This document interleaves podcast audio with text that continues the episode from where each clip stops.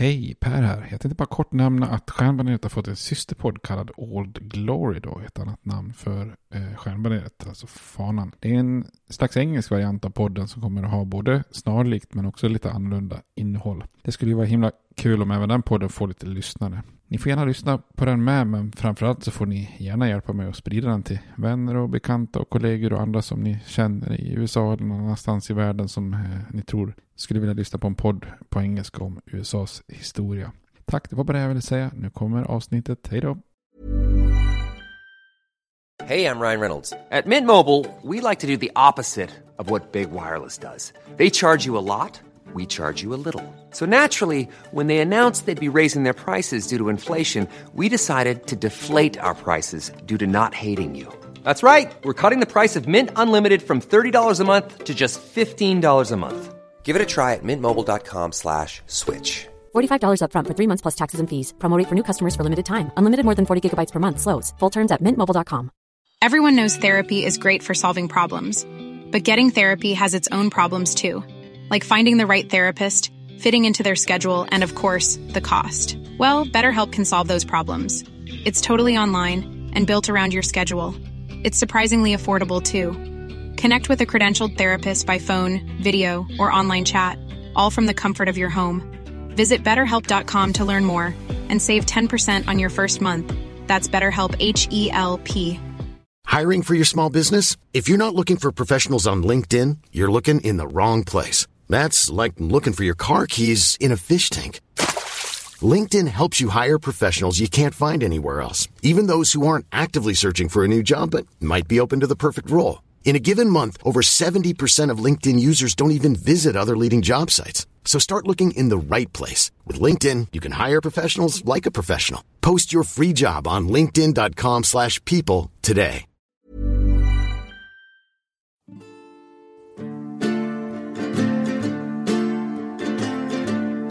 We hold these truths to be self-evident, that all men are created equal, that they are endowed by their Creator with certain unalienable rights, that among these are life, liberty, and the pursuit of happiness.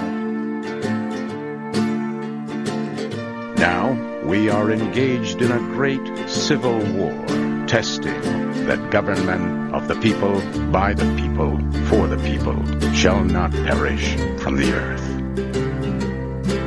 And so, my fellow Americans, ask not what your country can do for you, ask what you can do for your country.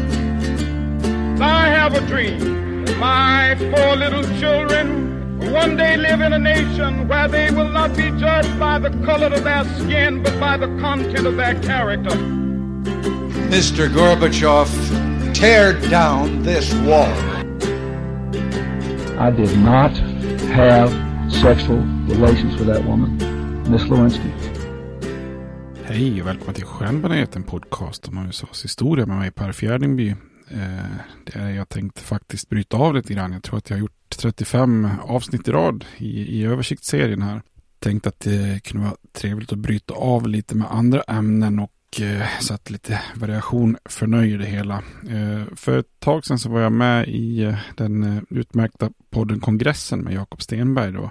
En podd jag verkligen vill rekommendera om man gillar att hänga med både med blickar bakåt och men framförallt då lite grann i nutidens politik i USA. Då. Jag har varit där några gånger men eh, nu senast så jag var där så gjorde vi ett avsnitt om USAs territoriella expansion då. Hur 13 delstater växer till 50 eller 50 plus om man räknar med lite olika territorier då.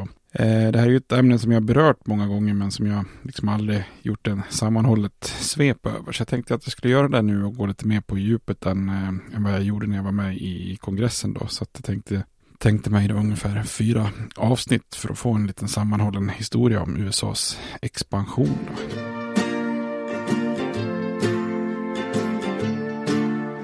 Börjar man från start då så vet ju de flesta av er att när USA föds under den amerikanska revolutionen och efter frihetskriget eller under frihetskriget så, så bestod det ju av 13 delstater då, alltså de här 13 ursprungliga, 13 kolonier som, som fri, eh, frigjorde sig från eh, Storbritannien då förklarade sig självständiga den 2 juli 1776 då, eh, även om det är den 4 juli man, man firar eftersom man då utfärdade själva eh, pressmeddelandet i form av självständighetsförklaringen då man formar ju också en första union då, så kallad, eh, under de här kallade konfederationsartiklarna. Men att det just var 13 delstater till en början, det är egentligen inte en självklarhet redan i starten då. Det hade kunnat varit eh, färre, till exempel 11 kanske. Men det hade också kunnat varit betydligt fler än 13 då.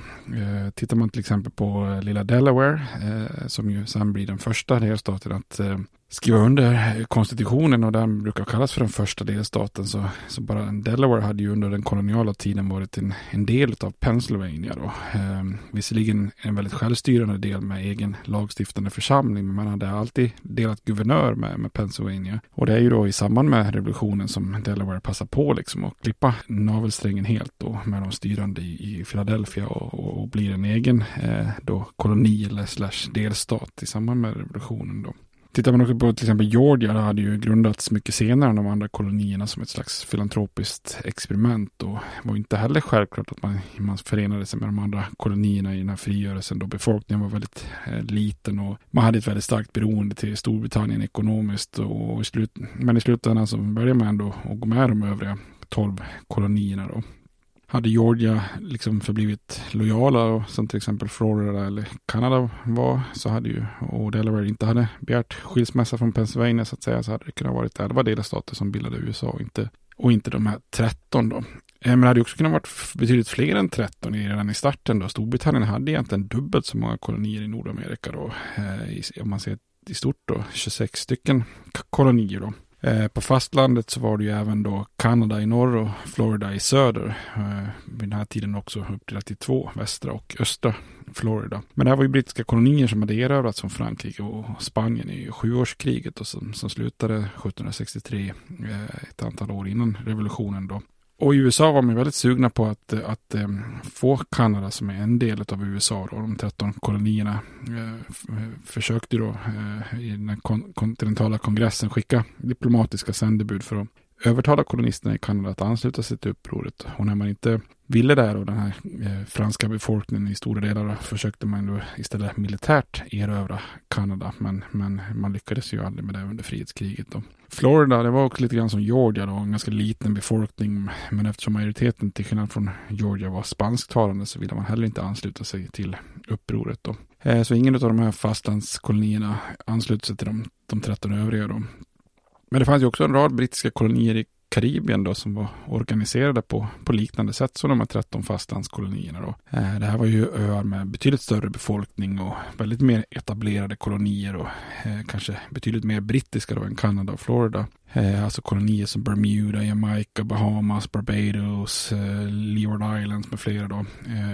Och flera av de här, till exempel Jamaica då, hade ju uttryckt ungefär samma missnöje som kolonierna på fastlandet egentligen då. Eh, att man inte ville bli beskattad om man inte hade representation i parlamentet i London och så vidare. Då. Så att, eh, man hade ju ungefär samma, samma syn på imperiet och, och unionen och sina egna rättigheter som, som fastlandskolonierna som, som till slut gjorde revolt mot Storbritannien. Då. Men det fanns ju en väldigt viktig och avgörande skillnad mellan de här kolonierna och, och fastlandskolonierna. Och att skulle man göra ett uppror mot världens främsta sjömakt så förstod ju kolonisterna i fast, på fastlandet. Att, att man kanske med lite medvind och lite tur och så vidare skulle kunna försvara sig och vinna sin frihet. Medan eh, för de här karibiska öarna så var det ju lite av en utopi då. Den brittiska flottan skulle ju relativt enkelt kunna blockera och tvinga de här öarna att ge upp sin frihetskamp då. Så de här öarna eh, förklarar sig inte självständiga och jag tror också att britterna hade gjort sitt yttersta för att behålla dem också i och med att den här sockerproduktionen som fanns på de här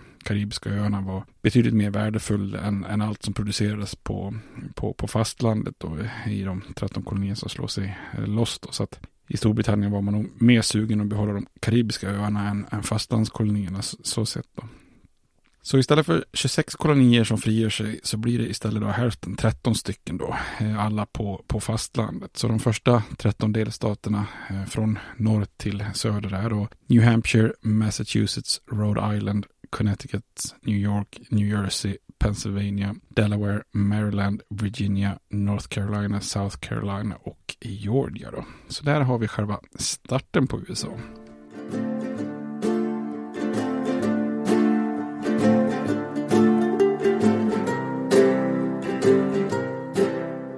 Tittar man idag så känns det ju på något vis väldigt självklart med USA från, från kust till kust och från sea till shining sea som man säger. Känns väldigt, väldigt självklart på något vis men det var ju väldigt långt ifrån självklart om man tittar tillbaks historiskt. Och, eh, backar man tillbaks till själva koloniseringen av Nordamerika så går ju expansionen eh, västerut väldigt, väldigt, väldigt långsamt i början. De här första permanenta kolonierna i början av 1600-talet är ju egentligen bara brohuvuden på kusten då. Och de här bosättningarna förläggs ju liksom tillräckligt långt in i landet för att eh, då längs kanske oftast någon navigerbar flod för att vara säker från spanska attacker men ändå kustnära då eftersom man är helt beroende av kommunikationer ut på havet då. Och de första 30 åren av koloniseringen så handlade det ju inte om expansion överhuvudtaget utan bara att försöka överleva då som, som kolonier då. De första expansionerna av kolonierna, det är ju när, de, när kolonier börjar stabiliseras och folk börjar eh, överleva då, så börjar man ju flytta in i landet längs med floderna då, hela tiden i, i närheten av floder så att man kan frakta och transportera grejer då. Och det gör ju det att oftast tar ju expansionen stopp eh, där, där, där liksom flodernas eh, eh, där inte de är navigerbara längre när det kommer vattenfall och annat. Då. Så att eh, båtarna och floderna är ju enda sättet att transportera sig och det betyder att nya orter växer fram då längs med floderna tills, tills det tar stopp då i, i, i riktning mot Appalacherna då.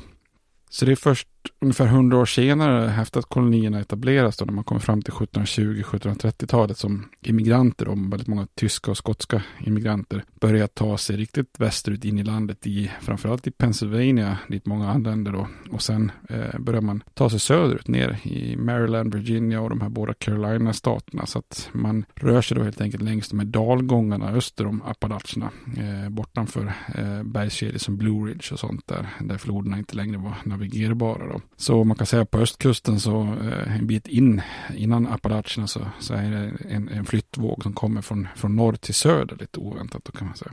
Så vid tiden för den här amerikanska revolutionen då på 1770-talet då 150 år efter att de första kolonierna vid Jamestown och Plymouth hade skapats så, så hade kolonierna expanderat i princip fram till Appalacherna då. Och då är det ju väldigt många delar av det inre som är, som är glest befolkat då. Och det är ju bara några ytterst enstaka pionjärer som har börjat korsa Appalacherna. Då. En av dem är ju Daniel Boone som är, som är känd för att han eh, började utnyttja det här Cumberland Gap, då, ett bergspass i Appalacherna som kunde ta folk ner på, på slätterna då i väster om Appalacherna, det som senare skulle bli Kentucky och, och Tennessee. Då, så att säga.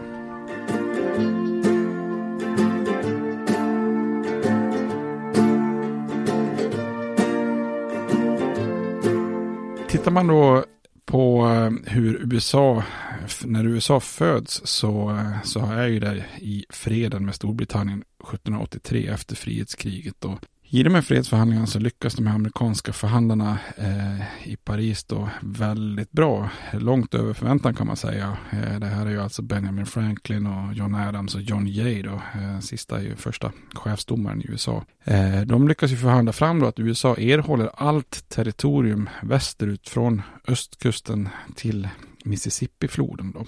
Och det här är ju verkligen att lyckas långt över förväntan. Och det naturliga sättet vid många freder är ju att man så att erhåller det territorium man kontrollerar vid tiden för fredsförhandlingarna. Eh, eller att det är områden som man skulle kunna göra anspråk på av andra anledningar. Oftast då att man har på något vis nybyggare eller befolkning som, som, som finns där på plats. Liksom. Eh, men vid tiden för freden som skapar USA så kontrollerar ju Storbritannien inte bara Florida och Kanada i, i nord och syd då, eh, utan också i princip alla fort väster om, om Appalacherna. Så USAs anspråk på, på allt det här territoriet bortanför Appalacherna var ju extremt svag då. De hade ju inte tydligt vunnit något militärt där och, och ytterst få nybyggare hade korsat bergen då. Och det hade ju varit rätt naturligt att se den här gamla proklamationslinjen från 1763 då, eh, längs med Appalacherna som, som gränsen eh, och att USA då helt enkelt blev området öster om bergen fram till kusten då. Alltså så som USA eh, såg ut då befolkningsmässigt i tiden för amerikanska revolutionen. Att det var ett pärlband utav, utav delstater på östkusten fram till Appalacherna då. Men eh, USAs fredsförhandlingar är ju här överraskande bra då. Det tycks som att eh, framförallt är Benjamin Franklin som, som eh, envist och skickligt i, i dialogen med britterna står på sig för att eh, man ska få det här området. Så att USA föds ju egentligen med massa territorium i väst. Då. Eh, tre fjärdedelar av det nya landet ligger helt enkelt väster om Appalacherna. Och i den här vildmarken så bor det i princip bara ursprungsstammar då, med undantag för några enstaka brittiska fort då, och lite, lite drällande fransoser och spanjorer som dröjer kvar från, från förr då när nya Frankrike och, och, och delar av Spanien försökte befolka det inre så att säga. Så det här är ett område som USA sedan kan skapa hela tio nya delstater i då, som, som blir lite grann av en, en bonus egentligen från, eh, från eh, freden då med Storbritannien. Eh, hur det här territoriet som man då erhåller i väst ska hanteras blir ju väldigt snabbt en, en kontroversiell fråga också bland de här nya delstaterna som bildar USA. Då. Eh, flera av delstaterna som Virginia, Pennsylvania, New York, Massachusetts och North Carolina Eh, hade ju sina koloniala liksom, konstitutioner eller privilegiebrev eh, getts liksom, på något vis någon slags rättighet till allt land västerut till havet. Man visste ju inte på 1600-talet när, man, när de här skrevs då att kontinenten var så himla stor som, eh, som, som det var då. Och de här delstaterna de ville ju gärna växa och expandera på det man ansåg som så att säga sin mark då. Eh, andra delstater, oftast de mindre då som Maryland, Delaware, Island, de hade inte sådana här anspråk och de ville ju ställa att de här territorierna i och med att de hade erövrats i den gemensamma kampen under frihetskriget skulle vara något slags gemensamt område då och användas för att ja, kanske ge till veteraner från kriget eller säljas för att betala av statsskuld eller finansiera unionens utgifter istället för skatter då och bidra till att och, och bidra från delstaterna och bidra liksom till allas gemensamma bästa då. Och det här går ju så långt att Maryland till exempel vägrar ju att ratificera landets första konstitution och den som kallas konfederationsartiklarna. Eh, om inte alla delstater avsäger sig sina territoriella krav västerut. Då. Eh, konstitutionen skrivs ju klar 1777 då, den här första. Men det är inte förrän fyra år senare, 1781, som, som Maryland skriver på det här då, efter att man har fått en försäkran av, av Virginia att delstaten avsäger sig alla krav på, på det nordvästra territoriet norr om Ohiofloden. då. Sen frågan om västra territorierna är ju en eh, kontroversiell fråga där innan man liksom på något vis löser hur, hur det här ska hanteras. Då, så att säga.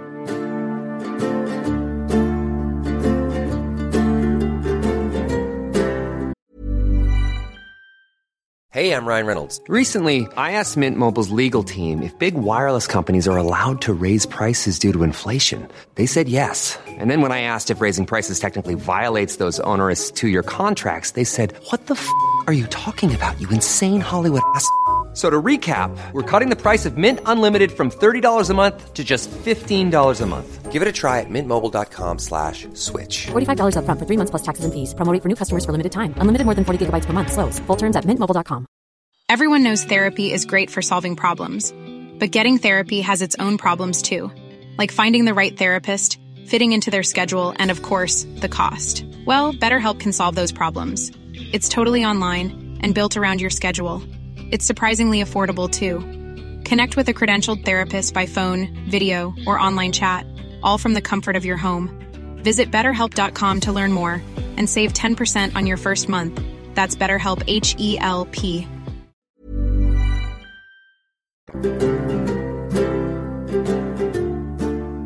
När man väl har kommit överens om att territorierna faktiskt är gemensamma då, the common domain som man säger då, så behöver man ju också bestämma sig för hur territorierna ska organiseras. Eh, en central person i det här är Thomas Jefferson då. Han ligger bakom flera viktiga lagstiftningar som eh, kallas för Land Ordinance, eh, där den kontinentala kongressen bestämmer hur de här västra territorierna ska organiseras och vad de ska ha för status i, i unionen då. Eh, den första Land Ordinance från 1784 lägger, lägger grunden. Då. Där slår man fast att nya delstater ska skapas av territoriet i väst och ska tillhöra unionen och att man ska ha samma rättigheter och skyldigheter som de ursprungliga 13 delstaterna och styras med ett eh, republikanskt styre. Då. Alltså med republikanskt styre, alltså man får inte tänka partiet utan att det ska vara eh, en, republik, då, alltså inte en monarki på något sätt. Det är liksom, man ska ha samma styre som de andra delstaterna. Eh, och det här är ju väldigt viktigt, för då fastslår man ju också att, att de här territorierna inte ska hanteras som någon slags koloni eller att invånarna eh, i territorierna i väst ska ha blivit någon slags andra klassens medborgare. Och det är viktigt för det fanns en hel del politiker på, på 1780-talet som tyckte annorlunda, som, som ville se att de här ursprungliga 13 delstaterna skulle ha någon form av unik så att säga och upphöjd status då. Eh, särskilt många i, i nordöstra USA som inte liksom riktigt såg eh, eller fanns, befann sig nära den här västra expansionen liksom och tyckte att de här 13 delstaterna skulle, skulle ha någon form av unik ställning och då hade ju nya delstater kunna bli någon form av liksom då kolonier eller territoriell, eh, territoriella styren som inte hade samma rättigheter. Så det får ju väldigt stor betydelse att man slår fast den här principen. Ingen kolonialism utan man ska växa successivt. Nya delstater, alla ska ha rätt, samma rättigheter och samma status i unionen. Då. En annan intressant aspekt av den här lagen från 1784 var att Jefferson också inkluderade en paragraf i det första utkastet som hade förbjudit slaveriet i allt territorium väster om Appalacherna. Alltså även i det som senare skulle bli eh, slavstaterna Kentucky, Tennessee, Mississippi, Alabama. Då. Och den här paragrafen röstades bort med absolut minsta möjliga marginal. Då. I den kontinentala kongressen så röstar man då med en röst per delstat. Eh, delstaterna fick ha flera delegater i sin delegation i kongressen då. Men för att en delstat skulle få sin röst igenom krävdes att minst två delegater var närvarande då. Och att delegationen inte var splittrad i sig en mot ett eller två mot två i sina åsikter. Så fort en delstat är splittrad så, så går deras röst bort så att säga. Och när man nu skulle omrösta om den här lagen så, eh, och den här formuleringen så var tio delstater närvarande eh, i konfederationskongressen vid tillfället. Och det krävdes att sju stater röstade ja, alternativt att då en ytterligare stat inte röstade nej. Och sex av delstaterna som röstade för slaveriförbudet var de fyra New England-staterna, New York och Pennsylvania då, medan tre delstater röstade emot, South Carolina, Virginia och Maryland och alla tre slavstater då. North Carolina som också var en slavstat, de var delat eh, och deras röst räknades därmed inte då. Och efteråt så hävdade Thomas Jefferson att det bara, var bara enbart närvaron av en enda ledamot hade kunnat gjort skillnad för historiens gång i, i det här ögonblicket då. Om en av Virginias delegater då, eh, framtida presidenten James Monroe hade varit på plats, han var sjuk vid det tillfället, så trodde Jefferson att han skulle ha röstat för förbudet. Då hade även Virginias delegation varit delad och därmed hade inte deras nej-röst räknats då. Han var också övertygad att om, om New Jersey skulle ha röstat för, eller att New Jersey skulle ha röstat för ett förbud. då, men New Jersey hade bara två delegater på plats och, och en var sjuk och frånvarande och därmed så fick inte, de, fick inte deras röst räknas då så att säga. Så på individnivå då, även om man egentligen inte kan räkna så, så hade 17 män hindrats utav sju från att rösta igenom ett slaveriförbud väster om Appalacherna. Då. Så att här hade ju den amerikanska eh, historien kunnat tätt sig lite annorlunda om, om, om det hade varit eh, bara eh, en enda röst, en enda persons närvaro i det här tillfället. Den här Land Ordinance 1784 slog fast att territoriet väster om Appalacherna kunde organiseras i totalt tio nya delstater. Men man slog liksom inte fast processen för det här då. Och i en ny lag kallad Land Ordinance 1785 slog man på Jeffersons förslag fast en process för att skapa nya delstater västerut. Då. För det första bestämde man hur territoriet skulle kartläggas och utmätas, utmätas då, men också hur marken skulle säljas av av den konfedererade och senare federala staten. Då. Och det här var ju viktigt eftersom intäkterna från landförsäljning eh, är ju den centrala statens främsta inkomst utöver tullar i, i ett samhälle där den centrala staten eh, inte eh, beskattar invånarna som, som man gör idag. Då, så att säga. För det andra bestämde man hur ett territorium skulle fördela landområdena så att vissa ytor skulle avsättas för offentliga funktioner som skolor och så. Då. Och för det tredje så slog man fast en process för hur territorier skulle bli delstater. Då. Och det här är en form av en process som är en tvåstegsraket då så att säga. Första, fa första fasen då innan ett territorium hade 5000 invånare så styrdes det helt och hållet från kongressen då via en militär guvernör och marken ägdes av den centrala staten då. Men när befolkningen i ett territorium hade uppgått, uppnått 5000 invånare eller mer då, så kunde man ansöka om att organisera sig som ett formellt territorium. Då. Det blir liksom första fasen då. Det innebar att man då tilläts ha en lagstiftande församling lokalt, att man kunde skicka två observatörer till kongressen i Washington då, eh, medan guvernören utsågs fortfarande av den federala kongressen. När ett organiserat territorium sen hade uppnått 60 000 invånare så kunde man ansöka om att bli en delstat och upptas i unionen då. Det blir liksom steg två då. Och då behövde man fatta en delstatskonstitution och så leva upp till vissa grundläggande regler då. Så det här innebar ju en process med liksom successiva avkopplingar och Inte sällan var de första territorierna väldigt omfattande då. Till exempel så kallas ju allt väster om Appalacherna och norr om Ohiofloden för Northwest Territory. Eh, när Ohio organiseras till en delstat så bryts den ut från det här Northwest Territory och det som blir kvar då döps till Indiana Territory som ju då är enormt mycket större än dagens delstat Indiana då. När flera delar av Indiana Territory sedan organiseras i andra territoriella fasen så skapas liksom Michigan och Illinois Territory som senare upptas liksom som stater i unionen. Äh då. Eh, så att eh, samtidigt som västra delar av området då blir Wisconsins territory som sen senare då blir delstater som Wisconsin och Minnesota och Iowa. Ja men ni förstår principen då. Det är ungefär som att stycka av en tomt hela tiden i mindre delar och så döper man om de här territorierna, delstaterna lite grann i samma veva som man styckar av helt enkelt. Då. Och samma princip gäller ju de här enorma områdena som vi ska prata om senare då. Louisiana området, territoriet, och Oregon-territoriet då, som är väldigt mycket större än det som senare blir själva delstaterna, Louisiana och Oregon då. Eh, Jefferson är också arkitekten bakom den första praktiska organiseringen av territorium väster om Appalacherna. Då. 1787 så röstar den kontinentala kongressen igenom den så kallade Northwest Ordinance då, eh, som skapar eh, Northwest Territory. Då. Men mer om det snart. Då. Sen finns det också en alternativ process för att skapa nya delstater som inte har skett lika ofta då, men som bland annat genererade den första nya delstaten i unionen då, den, fjär, den 14 i form av Vermont. Och det handlar ju om när en del av en redan befintlig delstat bryts ut och bildar en egen delstat. Och kan hända med både så att säga moderstatens välsignelse eller mot dess vilja som vi kommer att se här framöver i historien. Då. Tittar man tillbaka så är det ju genom historien ganska många gränstvister i det tidiga USA då. Eh, där eh, olika kolonier eller delstater inte är helt överens om vart gränsen ska gå då. Eh, och ett exempel på det är ju det som blir Vermont. Både New Hampshire i öst och New York i väst gör ju anspråk på den här lilla landremsan som, som blir Vermont. Eh, New Yorks territoriella anspråk var ju kanske de mest legala då, men befolkningen som hade etablerat sig i regionen kom framförallt från New Hampshire då. Och samtidigt så fanns det en, en rörelse under frihetskriget som ville skapa en egen stat då, ledd av Ethan Allen och hans så kallade Green Mountain Boys. Eh, så 1777, mitt under frihetskriget så utropar befolkningen till slut den fristående republiken Vermont då, eh, först kallad Republic of New Connecticut. Eh, och så länge man inte hade löst konflikten med New York så, så blir det ju omöjligt att uppta Vermont i unionen då. Eh, så eh, Vermont lever några år som, som en egen liten fristående republik då. Eh, men till slut när allting lugnar ner sig så tas Vermont upp i unionen som den första nya delstaten den 14 då, år 1791. Och eftersom det inte fanns så många slavar och konstitutionen förbjöd slavar kan man säga att Vermont lite retroaktivt var den första delstaten som formellt avskaffade slaveriet. Då. Så där kommer den första nya delstaten som tas upp i unionen med samma rättigheter och samma status som de 13 ursprungliga. Då.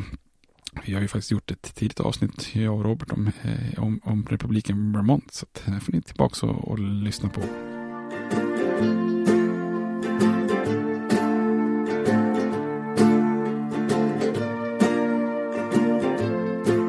USAs andra fas av expansion är ju när nybyggare börjar ta sig över Appalacherna då och börjar skapa samhällen i, i regionen mellan Appalacherna och Mississippifloden i, i väst. Då. Eh, fram till 1803 är det ju USAs är ju Mississippifloden USAs västra gräns då, men mer om, om Louisiana-köpet senare då. De här västra territorierna organiseras ju först i två områden. Då. Norr om Ohiofloden skapas Northwest Territory 1787 då, och söder om floden skapas Southwest Territory 1790. Och den här uppdelningen blir ju viktig eftersom det skapas en skiljelinje mellan nord och syd och slaveriet är förbjudet i det nordvästra territoriet men, men tillåtet i det sydvästra. Då.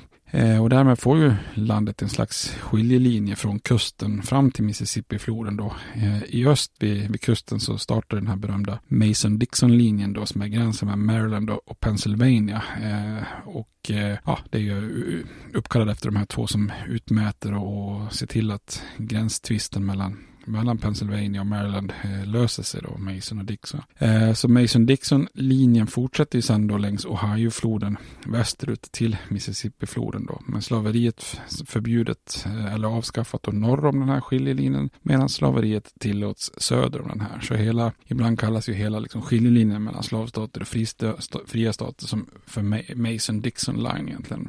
Den första delstaten att organiseras väster om Appalacherna blir ju Kentucky 1792 som därmed blir den femtonde delstaten då. Eh, från början var ju Kentucky bara ett, ett stort county som tillhörde Virginia, eh, alltså i den västra delen av delstaten Virginia. Och många nybyggare flyttade västerut från Virginia till Kentucky då, bland, bland annat eh, ledda av Daniel Boone. Eh, ett försök görs ju att bland annat att utropa eh, en självständig stat kallad kallad Transylvanien, men det blir ju ingenting av, av, av det då. Så efter Kentucky 1792 så fyra år senare, 1796, så kommer nästa delstat i form av Tennessee då. Eh, och samma princip här, området, eh, alltså Tennessee var ju i princip den västra delen av delstaten North Carolina då. Och i samband med de här flyttströmmarna och så, så är det ganska rörigt. Ehm, North Carolina har inte riktigt avsagt sig sina anspråk på territorier västerut och flera initiativ tas av nybyggare för att skapa nya delstater. Och redan 1785 försöker en grupp utryta, utropa en ny delstat eller republik kallad Franklin, då uppkallad efter Benjamin Franklin, i det som idag är östra Tennessee och västra North Carolina, men det godkänns aldrig då. Istället blir det här, här Tennessee då, så att säga. Så då har vi två ytterligare delstater och de två första som egentligen ligger väster om Appalacherna då. Den södra halvan av sydvästra territoriet går lite trögare att organisera av flera anledningar. För det första så fanns det i, i den här regionen väldigt många starka ursprungsstammar som cherokeser och creeker och chickasaw och seminoler och så vidare.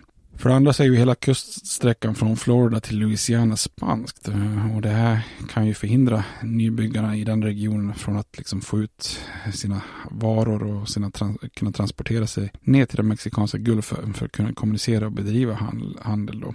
Eh, det här innebär att det som är kvar av det sydvästra territoriet söder om Tennessee organiseras lite senare. Då.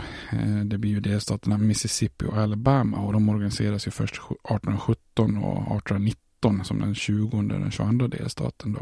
Och den här utvecklingen av det sydvästra territoriet syns ju ganska tydligt om man kollar på kartan med bland annat ganska raka streck då. Att västra Virginia blir Kentucky, västra North Carolina blir Tennessee och så ser man att eh, västra delen av Georgia, det är det som blir Alabama och Mississippi då helt enkelt. Eh, om det sydvästra territoriet organiseras eh, från norr till söder så organiseras det nordvästra territoriet lite grann från öst till väst. Då.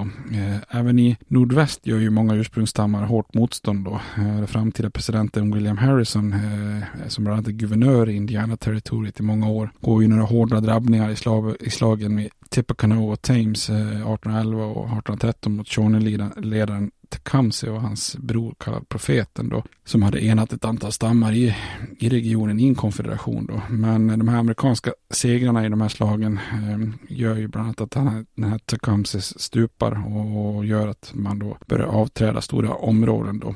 Eh, den första nya delstaten i, i det nordvästra territoriet blir delstaten Ohio som organiseras redan 1803 då. Blir då den sjuttonde delstaten. Den första och tillkomma på 1800-talet. Då.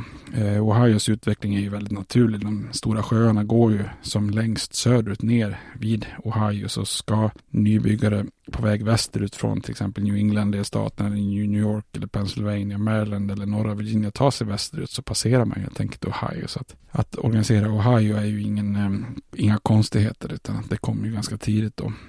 Det dröjer heller inte länge förrän, länge förrän Illinois och Indiana tas upp i unionen 1816 och 1818, eh, vilket också är naturligt. Då. De norra delarna av de här delstaterna befolkas ju oftast från öst medan de södra delarna eh, befolkas av nybyggare som korsar Ohio-floden från, från Kentucky. Då.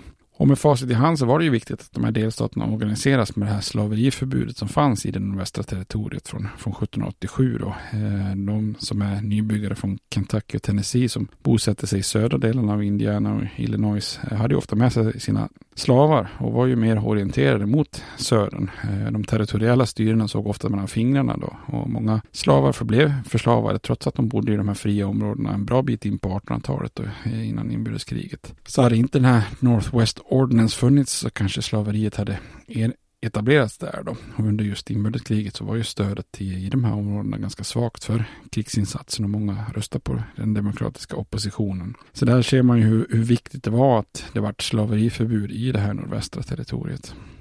De norra och nordvästra delarna av just det här nordvästra territoriet skulle ju bli, förbli territorium ganska länge då. Michigan, Wisconsin, Minnesota upptogs inte i unionen förrän 1837, 1848 och 1858 då.